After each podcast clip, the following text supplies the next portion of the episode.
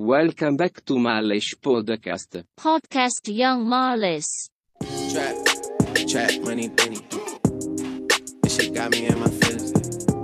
Hai guys, welcome back to Males Podcast. As we know, hari ini kita bakal uh, banyak-banyak ngobrol about dari Serie A, about La Liga, and then Premier League. Kalau Bundesliga, kayaknya masih kita spend buat ntar dah. Kalau misalkan gue udah mulai memahami. Karena gue kalau Bundesliga, for sure gue gue nggak terlalu paham. Hari ini gue masih sama temen gue yang kemarin, yang dari YouTube-nya Los Chavales Alfer, Bang Axel. Halo Bang. Halo, apa kabar di?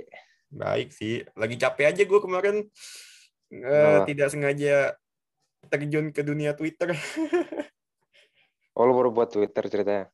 Kagak, bukan kagak. Gue gue kemarin nge-tweet Twitter orang. Gue bilang gue bilang eh, tugas komentator itu kan buat, nge-entertain. Jadi kalau misalkan dia banyak Hmm. ngebacot nih ya, it's fine fine aja. Tapi ya gitu dah. Akhirnya kan jadi pro kontra gitu. Akhirnya eh, notif Twitter gue Ah. hari ini rame banget. Gara-gara di-mention ini, di retweet apa di-mention orang? Di, eh, di retweet, di likes lah. Ada aja notif gue hari ini. Melelahkan. Oh. Perlu bahas timnas nih hari ini? Ya eh, oke kita bakal coba bahas timnas dikit aja. Oke semalam sem- kemarin malam timnas timnas U23 menang 2-0 ketemu Tirakabo yang menurut gue matchnya eh nggak tahu ya karena mungkin match pertama eh, udah berapa tahun ini kan nggak ada match ini baru match resmi pertama di Indonesia for me ngebosenin di babak pertama di babak kedua kayaknya udah tapi eh, nggak tahu ya mungkin gua rasa kedua tim mainnya reaktif ya.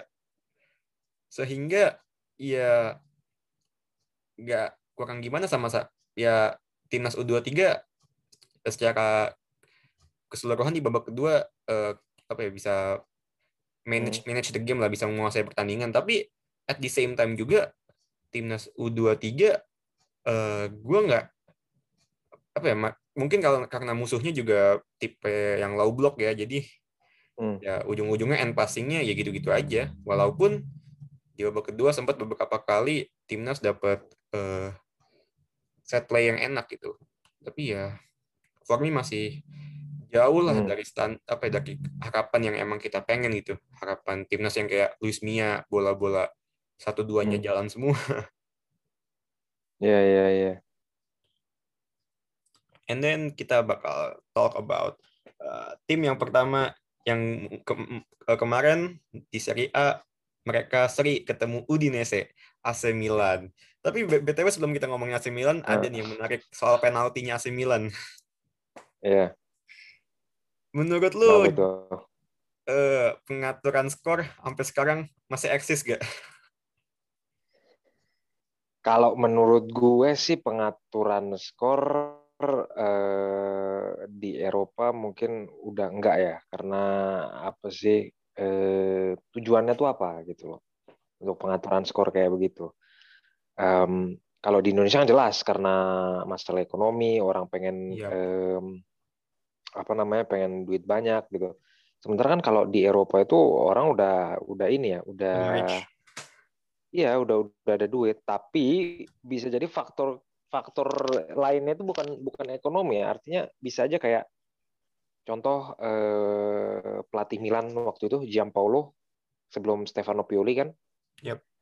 Waktu itu kan Milan kalah lawan Inter. Dia sempat dijulukin kuda Troya. Kuda Troya artinya dia dia kan ngaku kalau dia itu fans Inter dan dia sekarang latih Milan. Jadi bukan pengaturan skor tapi karena loyalitas dia terhadap Inter itu yang ngebuat dia seolah-olah menginstruksikan udah lu kalah aja gitu gitu kan. Yap. nah mungkin ini juga terjadi sama sama yang pemain yang satu ini gitu loh. Lu bayangin aja istilahnya bola sejauh itu dia sampai ngituin eh, lengannya kan dan lengannya itu benar-benar dikeluarin. Itu emang kayak ada unsur kesengajaan gitu loh. Dan bisa jadi dia itu fans Milan tapi kita nggak tahu ya. Nggak tahu cuman kalau misalnya dia fans Milan dan dia benar ngelakuin itu ya ya gue sih gue sih bersyukur ya gue sih bersyukur akhirnya dia melakukan itu gitu loh akhirnya nyelamatin Milan kan di menit-menit akhir Eh, dan itu bukan pengaturan skor menurut gue mungkin lebih ke ya mungkin dia ngefans sama Milan gitu kan dan nggak mungkin nggak bisa kelelahan mungkin ya ini. Itu menit-menit eh, akhir juga kan itu Iya, tapi kalau menurut gua kalau kelelahan faktor kelelahan sih nggak juga ya. Soalnya kalau misalnya lu ini harusnya lu tahu gitu eh, di belakang lu masih ada orang eh, untuk untuk bisa ngehalau eh, apa namanya bola bola atas itu. Jadi lu seharusnya nggak nggak perlu khawatir. Tapi ini dengan sengaja dia lompat dan dia lebarin tangan dia itu kan nggak nggak make sense gitu loh menurut gua. Kecuali tangannya tuh kayak nekuk ya, jadi kena siku atau apa. Ini kan enggak, ini kena kena bicep gitu. Itu kan benar-benar kebuka, sengaja banget kan gitu. But kalau gue ngeliat Milan ya, Milan ini di games kemarin aja eh, shot shotnya itu 7, shot on target shot on targetnya 7. Hmm. Eh, Tapi yang berhasil nyetak gol kan cuma satu doang, itu pun dari penalti. Hmm. Eh, what's wrong dengan lini what's wrong dengan lini depan AC Milan menurut lo? Ya kalau misalnya lihat di line up ya, kan yang ditaruh di depan itu eh, kebanyakan pemain sayap, ya kan semacam Leao lah, terus apa namanya, eh, pokoknya dia pem- pemainnya tuh nggak ada yang target man kayak kayak Mandzukic, makanya gua gua heran eh, kenapa apa ya maksudnya kenapa Mandzukic nggak ada, kenapa Mandzukic nggak masuk, gitu kan? Meanwhile Emang sih kondisi- kan lagi cedera kondi- juga. Iya, makanya Ibra kan cedera nih, ya kan? Yap. Sementara kalau Mandzukic kan diragukan gitu kan istilahnya, makanya dia nggak dimainin. Jadi menurut gua terlalu riskan buat Milan untuk cuma punya Mandzukic atau Ibra gitu loh. Seharusnya ada satu lagi gitu kan. Makanya pas ditaruh Leo, ya lu bisa lihat aja Leo, Rebic sama Theo pasti itu Leo. ya kalau kalau kalau Samu kalau Samu masih mending permainan menurut gua. Tapi kalau Leo ini dia karena nggak bisa jadi target man dan agak dipaksakan. Jadi makanya harus dimainkan secara ini. Padahal menurut gua seharusnya Pioli kenapa nggak kenapa dia nggak pakai eh, empat eh, empat tiga tiga tapi false nine Oh, Ante Rebic ditaruh di tengah tapi da- ke dalam kan gitu. Ya Yap. kan? Habis itu jadi benar-benar nggak ada target man gitu loh. Sama kayak waktu Spanyol tahun 2012 kenapa nggak ngelakuin itu? Jadi taruh di tengah tuh Casey Tonali sama Meite misalnya gitu kan? Itu Mungkin Brahim tahu Diaz. jauh lebih iya atau atau mungkin Bra- Brahim Diaz di situ. Eh cuman kalau menurut gue gue eh, Diaz belum terlalu impresif ya permainannya makanya kan dia eh, diganti kan Yap. si Diaz itu. Jadi sama-sama Hauke. Hauke juga ternyata nggak malah lebih buruk permainan daripada daripada dia kan. Cuman yang yang gue sorot ini eh, Meite. Meite pas ngegantiin Tonali dia cukup bagus. Gitu. Nah ini yang seharusnya dicoba sama Pioli nih. Tiga nih tiga tiga tiga apa tiga pemain tengah nih. Tonali Meite sama Casey ntar biar nanti tiga di depan tuh Ante Rebic terus yang false nine-nya eh enggak Leo di kiri Ante Rebic false nine yang kanan eh, Castillejo atau eh, Salamakers ya ya tergantung gimana cocoknya lah gitu jadi ya itu eh, mulai semakin ke sini semakin monoton si Milan karena 4-2-3-1 udah kebaca permainannya akhirnya ya itulah yang kita tahu Tapi kalau ngeliat jadwal Milan ke depan ini empat match ke depan ini bakal berat ya. Eh, entah- eh, besok dia ketemu Hellas Verona di di Serie A, abis itu dia ketemu MU, Napoli, terus MU Hmm. lagi. Ini bakal jadi ini nggak sih menurut lo apa eh, bom waktu yang membuat Milan jadi bakal ngedrop selanjutnya sampai let's say akhir musim lah. lawan Hellas Verona gue masih yakin Milan masih bisa menang ya jadi seenggaknya Tiga poin aman. eh, itu tiga poin aman. Lawan, nah yang susah kan lawan MU sama lawan Napoli nih, ya kan? Yap. Napoli terakhir menang ya, kalau nggak salah ya. Napoli terakhir menang kan? Yap. Pertandingan terakhir. Nah, eh, terus juga apa namanya? Eh, Sorry, Napoli, Eh. Napoli itu eh, last match itu dia seri lawan Sassuolo tiga sama. Last match pertandingan Liga maksudnya? Iya di Serie A Napoli itu last match-nya itu kalah eh seri seri sama Sassuolo 3-3. Oh, seri lawan Sassuolo. Iya, kalau menurut gue sih berarti kalau gitu Milan masih ada kesempatan. Istilahnya Roma jadi babat kan sama, sama Iya. Milan. Yang istilahnya di atas Napoli gitu loh. Apalagi Napoli. Belum lagi kan eh, Napoli juga inilah bisa dibilang. Apa kan ada agen Milan situ. Ada Gattuso ya kan. Ada Bakayoko. iya. Ada agen Benar-benar. Milan lah istilahnya gitu. Cuman lawan MU gue gua bakal bilang kalau lawan MU itu permainan hampir mirip. Hampir mirip. Gua gua walaupun gua cuman dua atau tiga kali ya nonton MU, tapi permainannya tuh mirip sama Milan. Pressing tinggi lah, terus apa namanya eh ngandelin counter press apa, juga. sayap, iya counter press, terus juga apa namanya. Nah, cuman masalah kan kalau MU ini kan Bruno yang mobile. Kalau di Milan kan nggak ada. Lu nggak bisa ngarepin Calhanoglu ke sana kemari, ya kan? Dia Iya. dia waktu waktu lawan Spezia aja dia benar-benar mati kutu gitu loh istilahnya. Nah, ya, nah kelemahan Milan sendiri yaitu menghadapi gaya permainan yang mirip sama dia. Spezia, Atalanta, Lille, gitu kan? Yap. Ketika dia diserang habis, ketika dia maksudnya di high press, itu benar-benar kreativitasnya tuh mati.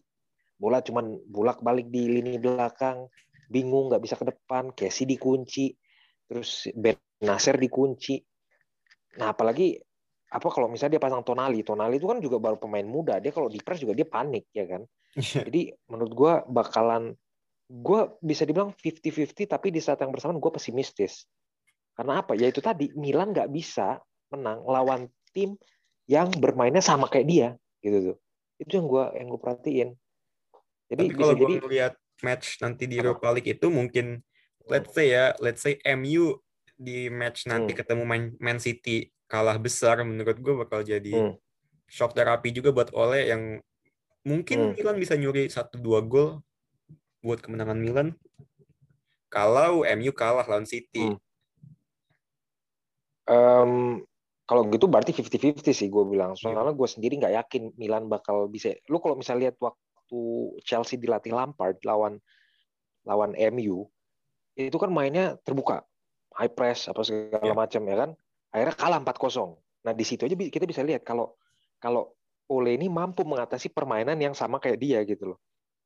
Nah apalagi ngadepin apalagi ngadepin Milan yang juga sama-sama gitu loh. Nah gue takutnya itu karena kedua tim bermain sama, Ole tahu caranya menghadapi tim yang bermain sama kayak dia, sementara Pioli nggak mampu. Nah itu itu itu, itu di situ bisa jadi bisa jadi apa ya? Bisa jadi ya, ini sendiri gitu loh, bisa jadi bencana sendiri buat Milan menurut gue gitu sih. Tapi Tapi kalau kalau MU menurut gue walaupun dia mau- kalah nanti lawan City nggak terlalu ini sih, nggak terlalu apa? nggak terlalu berpengaruh. Mungkin mungkin secara mental iya, tapi kalau secara permainan nggak gue. Tapi menurut gue kalau misalkan eh, ton eh, Pioli mau gitu masang Casey buat Hmm.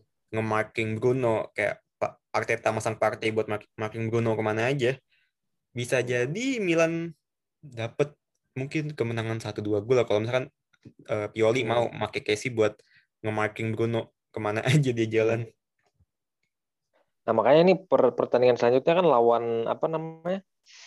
Verona. lawan ya lawan Verona kan eh, si itu dicadangin tuh si Romagnoli Yap. ya kan nah nanti kita lihat nih gitu loh kalau misalnya apa Romagnoli apa namanya si siapa kan ternyata Tomori ya yang mau dipakai kan Yap. kalau misalnya Tomori ini apa duet Tom and Jerry kalau kata orang Tomori dan juga Jair kalau ini duet ini pakem Milan seenggaknya udah aman nih di lini belakang. Nah, tinggal di lini tengah dan di lini depan, gitu kan.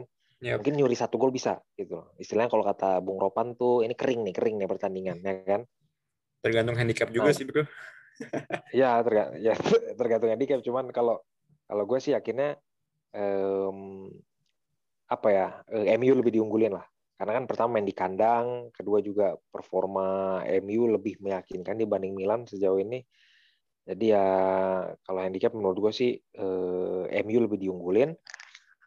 Tapi tadi gitu loh. Tadi balik lagi ke gaya permainan.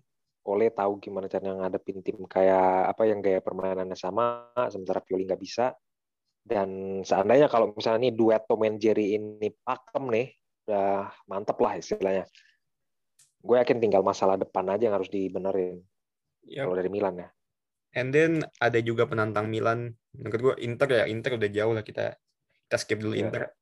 Juventus yang udah mulai nemu lagi nih ritmenya. Even mereka punya satu game simpenan kan, satu game simpenan. Ya, kalau dia menang, poinnya cuma beda satu sama Milan. Mhm. And then eh, kalau kita ngeliat Juventus ya Juventus ini beberapa game terakhir juga goyang juga kan dia ketemu Porto kalah 2-1, Hmm. ketemu Hellas Verona pun nggak bisa menang, cuman bisa satu Hmm. satu. Eh did Pirlo make something wrong gitu yang bikin bahwasannya Juventus yang kalau misalkan eh, sekiranya bisa nih Hmm. nyapu-nyapu tiga game Serie A terakhir ini bisa Ah. ngebalap Milan, harusnya gitu. Cuma mungkin apakah ada something wrong with Pirlo menurut lo? Eh, ya menurut gue dia kan orangnya nggak terlalu vokal ya Pirlo itu, ya Iya. kan? Dia orangnya Kalem. cukup pendiam lah gitu, kalem gitu, nggak terlalu nggak terlalu apa istilahnya nggak terlalu banyak ngomong. Jadi pemain juga butuh sesuatu gitu loh. Dan menurut gue ya inilah ya yang disebut apa ya teori itu tidak mencerminkan praktikal gitu.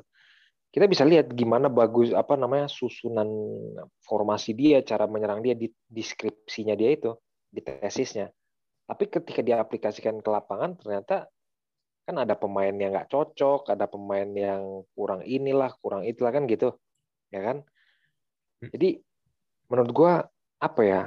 Eh, Pirlo mungkin minim kreativitas, tapi di saat yang bersamaan kalau misalnya ngadepin tim lawan Lazio, apalagi main di kandang, ya Juve masih diunggulin lah gitu dibandingin Lazio. Walaupun istilahnya eh, Simone Inzaghi lebih berpengalaman ya, tapi kalau ngelihat form akhir-akhir ini, ngelihat say lima pertandingan terakhir, Lazio kalah dua kali lawan tim sekelas Bolonya kalah, lawan apa Inter kalah, sementara Juve baru kalah sekali lawan lawan Napoli. Jadi eh, da- dari lima pertandingan terakhir ya, yang gue bilang ya. Jadi menurut gue eh, secara performa sih ya Lazio lah ini bakalan maksudnya bakalan kalah gitu loh. Tapi Juventus juga kualitas kualitas pemain mereka itu kan apa ya kualitas Hmm. pemain yang jauh banget lah dari beberapa beberapa musim lalu kalau kita ngeliat pemain tengahnya aja McKennie, Rabiot, Betancourt, eh, Chiesa itu pemain-pemain yang yang angin masih angin-anginan kan so eh, mungkin nggak menurut lo praktek Pirlo ini gagal karena kualitas pemainnya jelek atau emang sesulit itu buat memahami apa ya teorinya Pirlo Sebenarnya nggak bisa juga sih nyalain kualitas pemain. Kita bisa berkaca ke Conte misalnya. Conte pemainnya siapa sih waktu itu? Istilahnya pemain tengahnya acak-acakan gitu. Tapi kan Conte mampu beradaptasi. Ya kan dia bertransformasi ke apa namanya 4-2-4, dia nyoba 4-4-2, 3-5-2, 5-3-2, dia bolak-balik aja situ-situ juga. Akhirnya dia menemukan pakemnya di situ. Nah, sementara Pirlo ini kesannya tuh kayak 4-4-2 udah cukup gitu loh, ya kan? Yep. Dia belum, gue belum pernah, gue mungkin ya, gue kan nggak bukan fans Juventus, jadi gue kurang ngikutin semua matchnya. Cuman yang gue lihat eh, Juve atau Pirlo belum eh, pernah bereksperimen dengan formasi lain gitu. Entah Oh, dia iya. main aman, entah dia masih begitu yakin. Tapi yang jelas kalau untuk kualitas pemain ya kita udah bisa ngeliat lah ke Conte gimana yang istilahnya orang meragukan dia gitu kan. Karena di musim sebelumnya Juve kan peringkat 7. Nah, habis itu tiba-tiba jadi juara nih gitu dengan mayoritas pemain yang hampir sama. Jadi kan kembali lagi ke pelatihnya bagaimana memanfaatkan kualitas pemain. Jadi ya jadi istilahnya lu nggak bisa paksa pemain harus bermain dengan gaya lu, harusnya pelatihlah yang beradaptasi dengan kualitas pemain gitu loh. Even musim lalu pun kan eh, musim lalu pun kan Maurizio Sarri pun juga kira-kira skuadnya seperti ini juga kan mirip-mirip gini juga kan skuad Maurizio Sarri musim lalu Iya, Dan- iya mirip-mirip juga dan end apa namanya? season juga juara-juara juga kan apa? ya kan Maurizio Iya, Sarri iya. Ya di end of the season ya juara-juara juga, tapi kan kalau misalnya kita lihat kan eh, maksudnya dibandingin musim ini, musim lalu kan Juve masih maksudnya nggak terlalu sering Oh. di di bawah kan. Yap, yap. Ini kan kapolistanya itu udah direbut Milan, sekarang Inter terus eh, apa istilahnya istilahnya dua tim dari Milan inilah yang saling istilahnya saling berebut. Sementara kalau waktu itu kan kalau musim lalu bisa kita lihat eh, Juve seenggaknya nggak pernah nggak pernah terlempar gitu antara dia sama Inter, dia sama Inter atau atau kadang-kadang Atalanta lah untuk sekedar penggembira gitu kan. Mm-mm. Tapi kan dalam hal ini enggak gitu loh. Lebih lebih sering kelempar dari dari tiga besar. Cuman cuman gue belum tahu. ya. Cuman cuman nanti kita lihat kalau misalnya udah jumlah pertandingannya udah sama, udah sama-sama 25. Nah, di situ mungkin baru kita lihat apakah apakah Juventus ini akan bisa ke peringkat dua atau gimana. Nah, itu kita lihat nanti gitu loh. and then I think it's enough to apa talk about uh, Serie A kalau kita Ya. pindah ke matchnya Premier League ya. Di Premier League itu weekend ini ada banyak banget match seru. Eh, bukan bukan weekend juga sih maksud gue. Premier League sekarang Hmm. apa? Match day-nya sampai Selasa. Bingung gue namanya apa.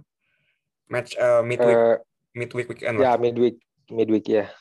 Kita tapi kita kalau ngomong-ngomong ini kita kita ngomongin Chelsea dulu. Chelsea yang eh, di games beberapa games ini dapat ujian berat tapi berhasil mulai dari eh, bisa imbang lawan MU, menang lawan Liverpool. Sekarang dia bakal ketemu Don Carlo Ancelotti. Menurut lo ini bakal jadi apa ya? Slip yang pertama nggak buat Tuchel di Chelsea? Nggak sih menurut gue itu terlalu terlalu jauh lah. Istilahnya lu kalau ngomong apa handicap juga istilahnya eh, Chelsea ngasih satu nih Ya. ke Everton ya kan. Yep. Handicapnya aja udah Ev- Everton satu. Jadi menurut gue nggak nggak terlalu eh, berpengaruh gitu ya. Maksudnya apalagi ditambah lagi kan eh, Everton tuh lagi banyak pemainnya tuh ada berapa ya? Enam pemain kalau nggak salah, enam pemain yang diragukan untuk Ya. bermain dan dua pemain yang udah benar-benar out, Yerry Mina sama Jong Jong Gebamin. Sementara kalau kalau Chelsea kan cuma Thiago Silva sama Tammy Abraham. Dan ditambah lagi main di kandang gitu loh. Jadi ini bukan eh, menurut gue belum saatnya Chelsea untuk slip off gitu kan. Eh, tapi di saat yang bersama juga Everton juga ya ya menurut gue sepinter-pinternya Ancelotti aja sih untuk ngakalin permainan ini, permainan Tuchel. Kalau misalnya Ancelotti nggak bisa ya bakalan ini lagi kan, bakalan susah lagi gitu loh menurut gue. tapi gue ngelihat apa ya yang kayak omongan gue beberapa ming yang episode kemarin tuh yang yang gue bilang gue ngelihat An, eh, Ancelotti ini atau Everton ini lebih punya chance buat ngalahin Chelsea ketimbang MU Liverpool karena yang gue bilang eh, rekor Hmm. eh, Everton waktu ketemu tim-tim London kayak kemarin Spurs Hmm. bisa menang 5-4 itu menurut gue ada apa ada magis tersendiri ya walaupun Everton gue akuin juga timnya lagi pinjang Hmm. even Iya, dua iya. even dua pertandingan terakhir pun dia cuma bisa menang 1-0 lawan Southampton dan 1-0 lawan We- Hmm. West Bromwich Albion tapi kalau ngelihat eh, secara keseluruhan ya gue ngelihat eh, si dari empat Hmm. pemain tengahnya dari, dari si Iwobi, Andre Gomez, lalu Hmm. Sigurdsson, uh, James masih diragukan ya. Menurut gue selama si itu empat atau tiga orang itu bermain, menurut gue bakal berat sih ketemu Chelsea karena Chelsea kan we know apa uh, tipe tim yang ofensif ofensif apa ya ofensif tapi benar-benar dari semua lini gitu dari sayap semua tip, eh, mungkin half, Hmm. half space mungkin ya lebih lebih half space dia Chelsea ya ketemu tim kayak Hmm. Everton yang we know lah Ancelotti kan pragmatisnya minta ampun kalau lagi pragmatis Iya. Bakal berat sih bakal let's say menurut gua Chelsea ini bakal kayak kemarin itu waktu ketemu Simeone di UCL Iya, ya makanya kan kalau misalnya kita lihat ngelawan ngelawan timnya Simeone masih bisa menang gitu karena Chelsea mendominasi pertandingan. Apalagi lawan Everton yang secara kualitas udah kalah, tambah lagi permainan yang yang yang maksudnya sama-sama pragmatis kan gitu, yang old school lah istilahnya. Jadi Tapi mungkin gue sih mungkin Chelsea bisa menang Apa? kalau ada gol magic sih. gol magic bisa sih. bisa soalnya kan ini juga kan ini juga kan satu kan ininya satu jadi mungkin eh, kalau satu gue pikir ya tipis lah tipis menurut gue bisa apa namanya dua satu eh enggak enggak dua satu juga sih kalau dikasih satu begitu ya paling ya satu kosong ya kan Karena sejauh ini big match big match IPL ini apa ya nggak ada yang interesting gitu. Maksud gue skornya ya tipis-tipis aja ya. Paling Spurs MU waktu itu 6-1 Hmm. after that ini yang match, ini yang, yang gue takut IPL, yang gue takutnya Liverpool Fulham sebetulnya. Liverpool Fulham mereka kan istilahnya Anfield Hmm. udah jadi udah jadi kutukan gitu loh. Tiap kali main di Anfield kalah melulu kan. Yap. Ntar lagi nih tambah lagi dia bakal ngejamu Fulham. Nih menurut lu gimana nih? Sekarang gue tanya deh pendapat lu Menurut lu gimana nih Liverpool Fulham ditambah lagi dengan eh, handicapnya satu satu seperempat satu seperempat untuk Fulham nih dikasih ke apa namanya Liverpool kasih ke Fulham satu seperempat nih ya kan satu seperempat kan artinya gue bakal bilang berat mungkin ya. bisa bisa di atas satu di atas satu kan golnya nah jadi menurut lo gimana nih lagi main di Anfield kan? mungkin buat lo semua yang pada main apa main bet sana apalagi ke 365 bebas lah mau jadi apa aja. Mungkin gue rasa lu mesti hati-hati kalau megang Liverpool ya. Karena Fulham Enggak, Liverpool ini kan permasalahan itu di depan ya. Depan itu tumpul banget. Yeah. Salah. Lihat, maksud gue Trio Firmansah udah tumpul lah. Udah gak tajam. Hmm. Ditambah Jota, gue nggak tahu Jota kapan baliknya. Tapi yang jadi problem ini kan sekarang Liverpool ini nggak punya center back yang mumpuni gitu. Ozan Kabak, hmm kualitas championship lah. Ozan Kabak tuh championship banget kualitasnya Oh. asli. Tapi gua yang yang gua nggak ngerti gini, kalau misalnya emang eh apa? Kalau misalnya jadi masalah itu adalah lini depan, ya pertanyaannya apa yang terjadi sama lini depan Liverpool kan gitu? Nggak ada misalnya- supply, nggak ada supply bola ini, nggak ada supply. Mungkin eh Hmm. gua, gua nggak tahu kenapa Thiago ini di awal musim when Van Dijk masih ada, kayaknya dia lebih freedom gitu, mungkin lebih bebas dia. Mungkin karena Hmm. ada rasa safe ya, jadi dia nggak mesti drop ke belakang buat eh, jemput bola. Mungkin karena ada Fabinho juga di Fabinho yang bisa jadi apa ya, Hmm. pelindung dia juga. Tapi kan sekarang ini udah nggak ada gitu, nggak ada peran Fabinho di lini tengah. Fabinho mesti turun di, di center back. Ditambah lagi Hmm. Henderson juga cedera juga kan Henderson. Iya. So Wijnaldum, Curtis Jones, gue gak, gua gak ngerti kenapa klub suka banget sama Curtis Jones maksud gue. Kenapa nggak lu masang Keita jadi DMF biar Thiago bisa freedom ketimbang masang Curtis Jones yang Hmm. ya so-so lah masih so-so lah sejauh ini. Hmm, ya ya ya ya ya. Ya menurut gue sih apa ya? Mungkin ya Klopp juga di saat yang bersamaan dia pengen meregenerasi ya. Jadi mau nggak mau dia harus terpaksa lah mainin Curtis Jones. Ditambah Eh, juga manajemennya pemain muda dan juga pemain ini kan pemain lokal. agak pelit agak pelit juga ya maksud gue manajemennya ini. Ah itu itu yang sempat dibahas kan kemarin kan. Nah ini kita nggak tahu nih apakah ini itu apa ya tekanan manajemen Liverpool kalau misalnya Klopp jangan belanja lagi atau emang Kloppnya udah terlalu kepedean. Nah itu yang kita nggak tahu. Antara Cuman- dua itu sih. Tapi feeling gue Ya, kalau cuman duit nih menurut lu kayaknya ada. Gimana sih si ini si si Klopp bakal diganti nggak menurut lu nih? Enggak lah, maksud gue eh, dia Liverpool 30 tahun puasa kan terus tiba-tiba ada seorang yang bisa bawa juara masih lama buat dia out kecuali musim depan salah atau Mane bisa lepas ke tim lain menurut gue Klopp in danger sih. Tapi Klopp juga Hmm. mungkin karena semenjak meninggal ibunya ya jadi gue mungkin dia masih ada shock mental juga ya we know lah Tapi kalau kalau menurut gue ya eh, yang kayak gitu tuh nggak nggak terpengaruh ke pelatih. Mungkin kalau kayak Kak Alisson itu berpengaruh karena Oh iya, kan Alisson kan pelaku sepak bolanya. Iya. Kalau Klopp kan instruksi dia mau dia kena apa kek apa dia sedih kek dia mau nangis eh, tujuh hari tujuh malam kek. Tapi instruksi dia tetap sama gitu. Seandainya dia nggak bisa ngasih instruksi seenggaknya ada asistennya. Nah tapi kalau orang semacam Alisson terus juga pemain-pemain yang lain kan mereka pelakunya gitu ya kan? Yap. sekali mental mereka terganggu sekali pikiran mereka terganggu udah kelar itu pertandingan. Udah nggak bisa istilahnya moodnya udah berubah kan gitu. Kecuali kalau Klopp menurut gua yang bisa nyelamatin Klopp itu dia mesti beli pemain baru sih pemain bintang bintang lima lah entah siapa entah dia mau beli center back kayak Alaba pemain Hmm. siapa bebas lah yang penting dia beli pemain bintang lima aja buat saat menurut gua satu buat center back satu buat lini tengah Tapi Alaba kan udah pindah ke mana ya? Gue lupa tuh. tapi yang di Madrid gue gue belum tahu di Madrid udah fix apa belum Alaba karena ada rumor juga Ramos mau perpanjang kontrak juga kan Udah Ramos ke PSG aja udah. Gue lebih pengen ngeliat Ramos itu nyi- nyicipin Liga Inggris asli deh Aduh. Thiago Silva aja ini puyeng dia di Liga Inggris. Lagi Ramos. But, uh, kayaknya kita kita ini dulu kita coba fokus di IPL dulu ada karena ada big match antar duo Manchester Manchester United ketemu Manchester City yang menurut gue kalau City bisa menang dadah Premier. League udah pasti juara City musim ini kalau dia pasti kalau dia menang ketemu MU Ya sebetulnya gimana ya?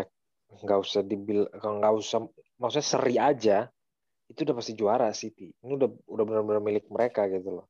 Dan itu Pep juga kayaknya apa ya istilahnya ini udah ini udah bukan target dia gitu loh. Ini liga ini udah udah udah dua kali dia dapetin. This is not his target you know yang Tapi dia pengen tuh Champions League ke- kehebatan Ya kan? Pep juga ya maksud gue di awal musim dia nggak Ya, punya menurut, striker menurut, yang menurut, pas. menurut Pep liga itu udah udah bonus buat dia gitu liga itu udah buat udah udah, bonus buat Man City udah nggak nggak terlalu penting lagi ya kan Tapi Bener ini nggak? kepin, ke- nggak, ini kepintaran Pep ya maksud gue di awal musim dia depannya kopong, depannya itu babuk, tapi akhirnya dia Hmm. mencoba nyari cara baru, akhirnya sampai sekarang berhasil itu maksud gue false nine-nya dia berhasil parah.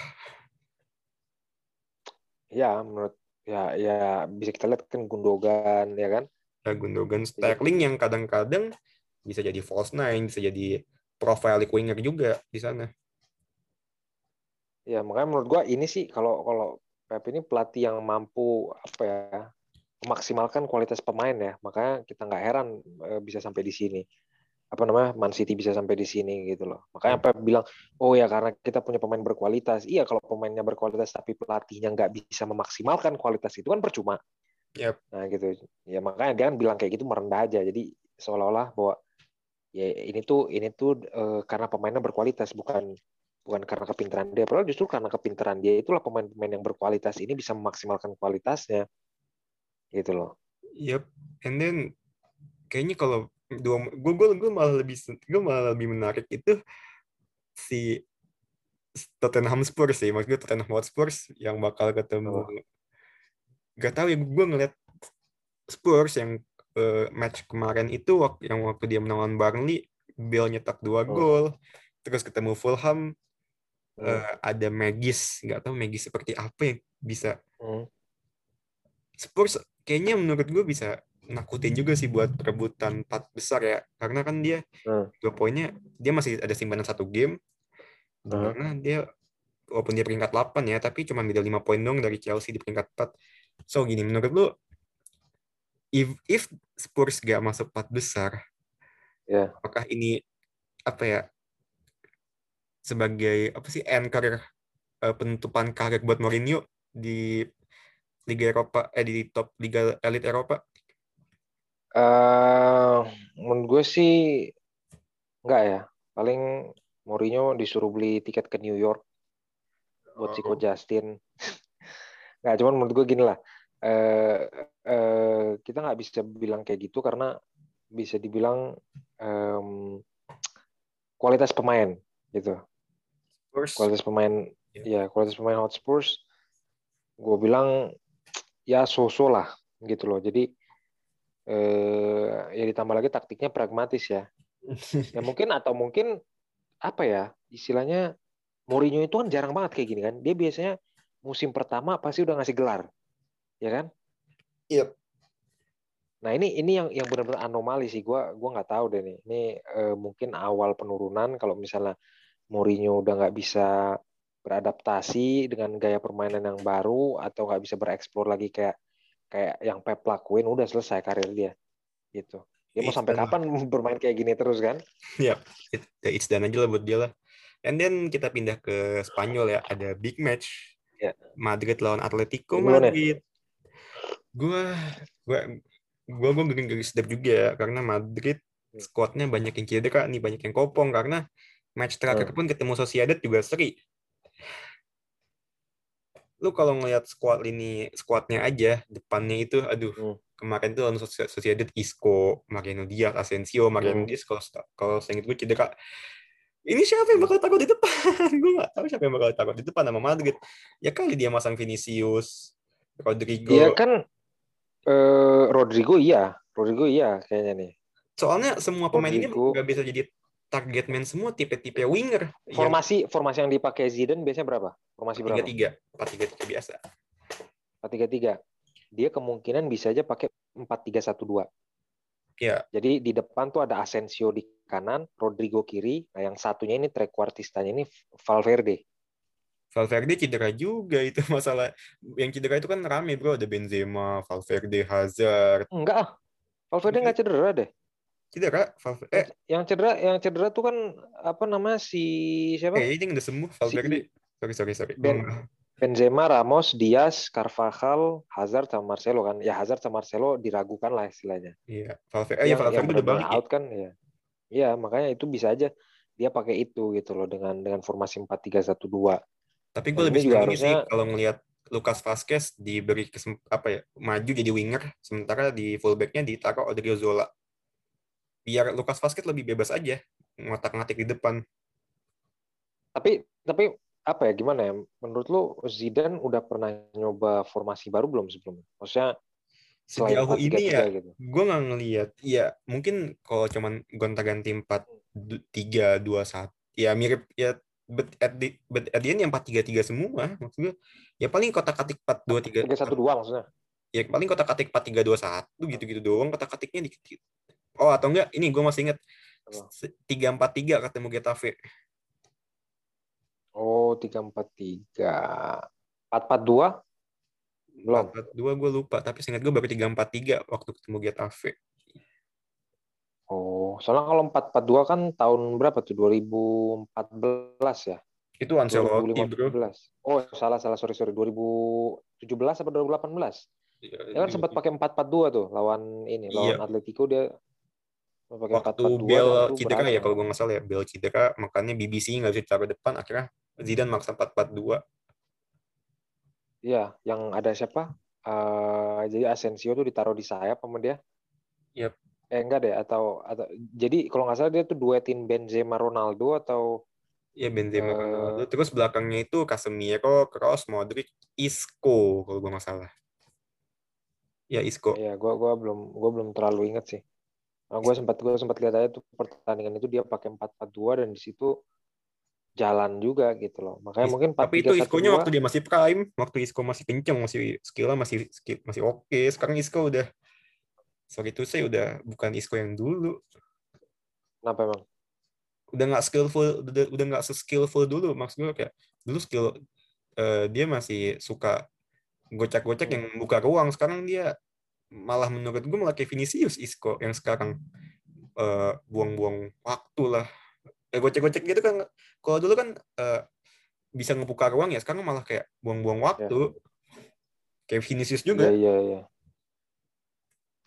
Ya pemain muda ya, egonya tinggi mungkin.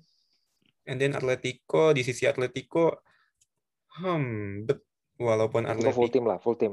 Atletico walaupun Atletico kemarin menang Villarreal ya, tapi kalau ketemu Madrid, Hmm.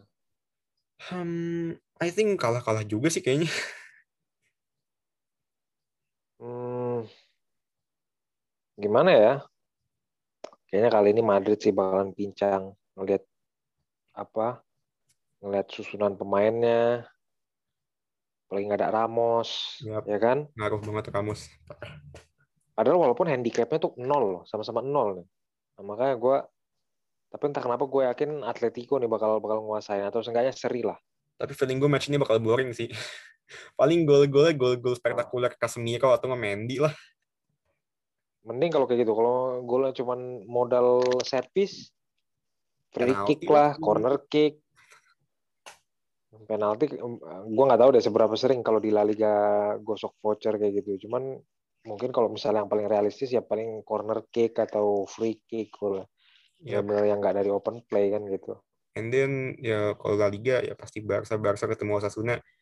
Kan, kan. Eh, tapi kalau gue niat ini match week ntar di weekend ini menurut gue nggak bakal jadi penentu kira-kira udah fix belum siapa yang bakal juara La Liga hasil match week nanti malam nanti karena gue nggak ngelihat kalau selisihnya masih belum dua double digit kayaknya masih bisa karena tim-tim La Liga ini Hmm. ya, tim-tim papan bawah La Liga ini banyak yang bikin suka ngasih shock effect dari Cadiz, Eibar, Osasuna bahkan bisa aja nanti Barca pincang Valencia, Celta Vigo ini tim-tim Hmm. papan bawah tapi kalau ketemu tim atas shock suka ngasih shock terapi juga menurut gue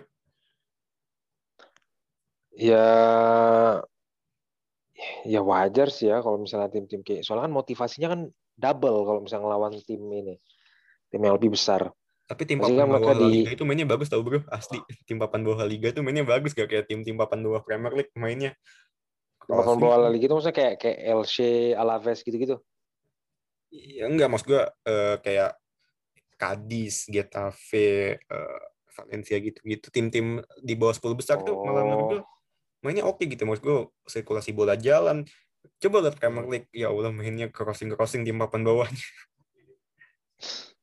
Ya itulah itu makanya yang dikeluhin sama Thiago Silva kan. Yap. Dia bilang aduh, kepala gue pusing gara-gara ini mainnya asik. Eh, ini ini terus Culture sepak crossing juga ya. terus. Culture sepak Iya. Oke bro, I think kayaknya kita udah lama juga, kita udah berapa menit nih. BTW thank you guys sudah pada ngedengerin uh, our news episode. Jangan lupa kalian share. Um, by the way, kita, gua insya Allah ya bakal, kayaknya gua bakal ngerubah jadwal yang bola ini di hari Sabtu ngepostnya. Kan kalau kemarin Rabu, kayaknya gue pindah ke Sabtu. Tapi kalau misalnya nanti ada ini, kayaknya gue bikin Rabu lagi. Tapi itu, itu nantilah. Rabu Champions League ya, Selasa Rabu tuh Champions League gitu. Midweek. Oke. Yap. BTW, thank you guys semua udah pada ngedengerin. Makasih juga Bang, Bang. And Thank bye-bye you, Dik. semua.